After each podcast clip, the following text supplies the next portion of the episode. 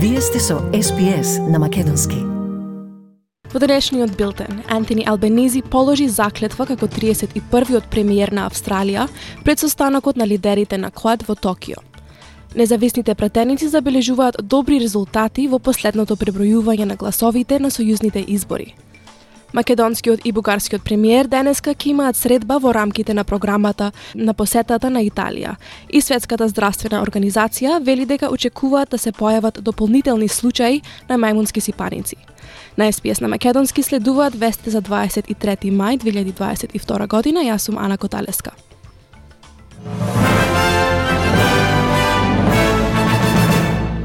Утрово, Антони Албенизи положи заклетва како 31-виот премиер на Австралија во Канбера. Неговата транзиција во невисоката канцеларија беше забрзана пред дипломатската посета на Токио. Четири други министри од лабористите исто така положија заклетва. Идниот вице-премиер Ричард Малс, неговиот благајник Джим Чамес, министерката за финансии Кейти Галага и министерката за надворешни работи Пени Вонг. I, Anthony Norman Albanese, do solemnly and sincerely affirm and declare that I will well and truly serve the Commonwealth of Australia, her land and her people in the office of Prime Minister. Победата го означува крајот на речиси 10 годишниот период во опозиција на лабористичката партија. Првата задача на Ентони Албенизи како премиер ќе биде да присуствува на самитот на лидерите на Квад во Токио денеска попладне, заедно со идната министерска за надворешни работи Пени Вонг. Господин Албенизи треба да се сретне со лидерите на Соединетите Американски држави, Јапонија и Индија. Председателот на САД, Џо Бајден, му честита на новиот австралиски премиер. Господин Албенизи вели дека е посветен на состанокот во Токио.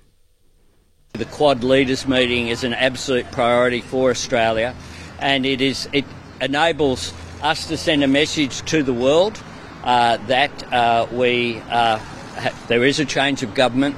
Uh, there will be some changes in policy, particularly with regard to climate change and our engagement uh, with the world. Квадрилатералниот безбедносен диалог или КВАД има за цел да обезбеди, цитат, слободен и отворен Индо-Пацифик преку соработка во врска со инфраструктурата, климатските промени, безбедноста, хуманитарната помош и помошта при катастрофи. Според извештаите се очекува дека КВАД ќе објави поморска иницијатива за спречување на кинескиот нелегален риболов во регионот. Независните пратеници забележуваат добри резултати во последното пребројување на гласовите на сојузните избори. Алегра Спенда да ја освои победата во Wentworth, поразувајќи го Дейв Шарма од електоратот во Центарот на либералите во Сиднеј. Госпогица Спенда вели дека резултатот покажува дека гласачите сакаат акција за климатските промени и интегритет во политиката. Таа вели дека ќе се бори да им даде предност на тие прашања во нејзината нова улога. It's climate, it's integrity, it's a future focused economy for the long term that is truly inclusive. These are the values that, that the community has spoken for, and that is what I will be advocating for, voting for, and putting legislation for in this coming parliament. And I'm so excited.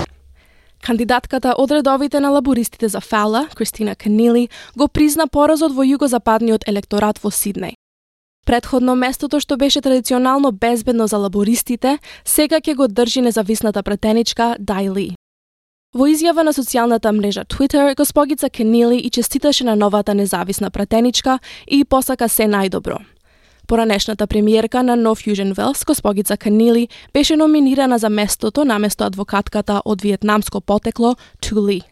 Новата претеничка од лабористите за Рид во No Fusion Wells, Сали Сито, од кинеско потекло, вели дека исходот покажува дека гласачите сакаат различност. I think that there'll be things that we need to reflect on, and certainly me winning Reed is a huge. Um, it really lifts my spirits and makes me think that um, there ought to be a place for people from different backgrounds in our parliament, and um, something that the Labor Party should really think about. Се објавуваат резултатите за местата што по изборите во саботата се се уште неопределени. Тим Уилсон официјално ја приз, го призна поразот во Голдстин, кој долго се сметаше за едно од најбезбедните места на либералната партија во Викторија. Местото го завзема независната Зои Даниел со промена од 13,1% на предходните избори. Господин Уилсон рече дека не е веројатно да го задржи своето место врз основа на првата група на предброени поштенски гласови.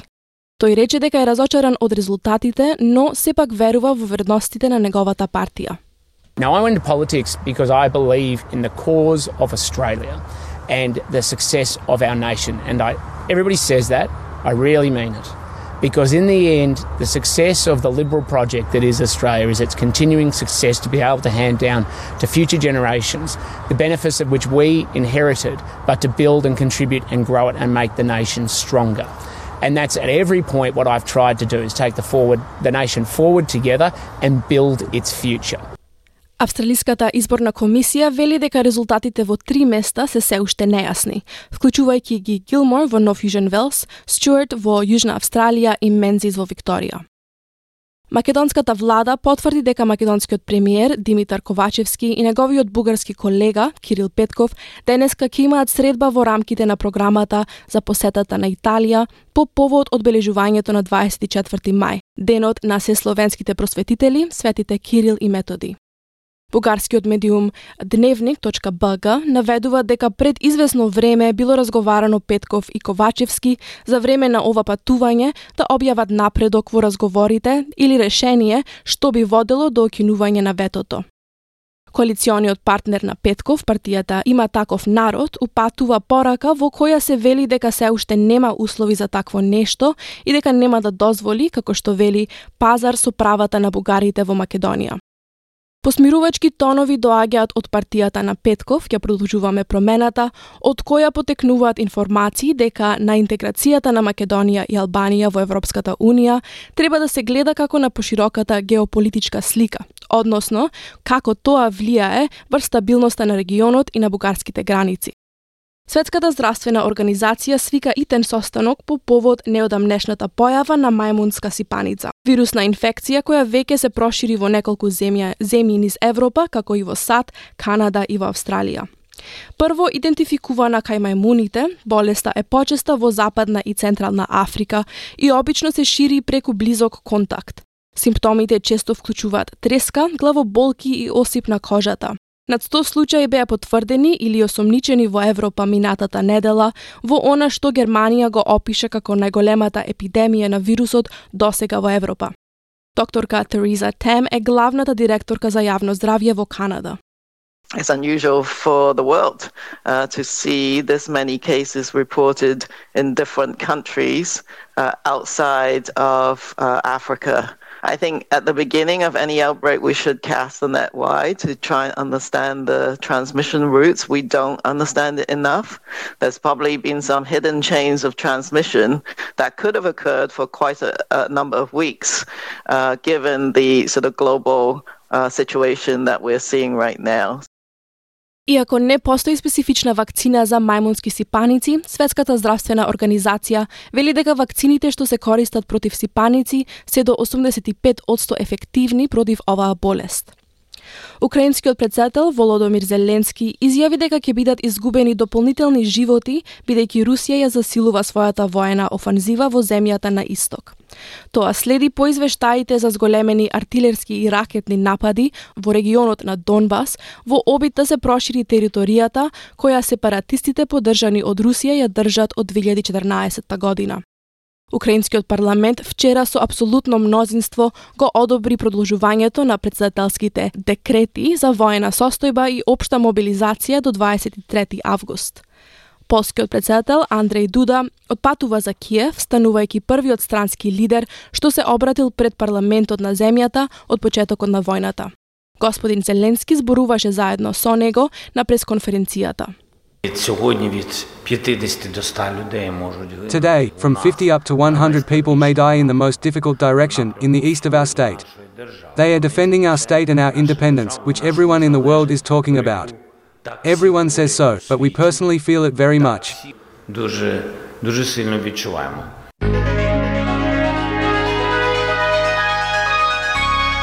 Од најновата курсна листа, денеска еден австралиски долар се менува за 0,66 евро, 0,70 американски долари и 40,50 македонски денари, додека еден американски долар се менува за 57,54 македонски денари и 1 евро за 60,71 македонски денар.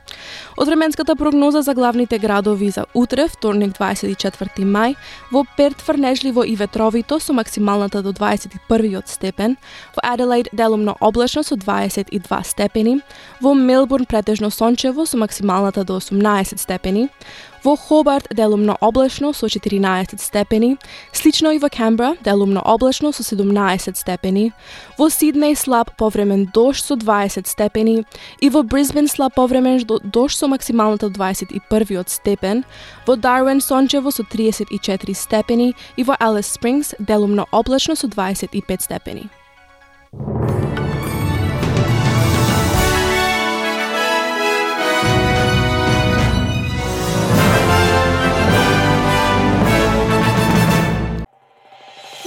Сакате ли да чуете повеќе прилози како овој? Слушате подкаст преку Apple Podcasts, Google Podcasts, Spotify или од каде и да ги добивате вашите подкасти.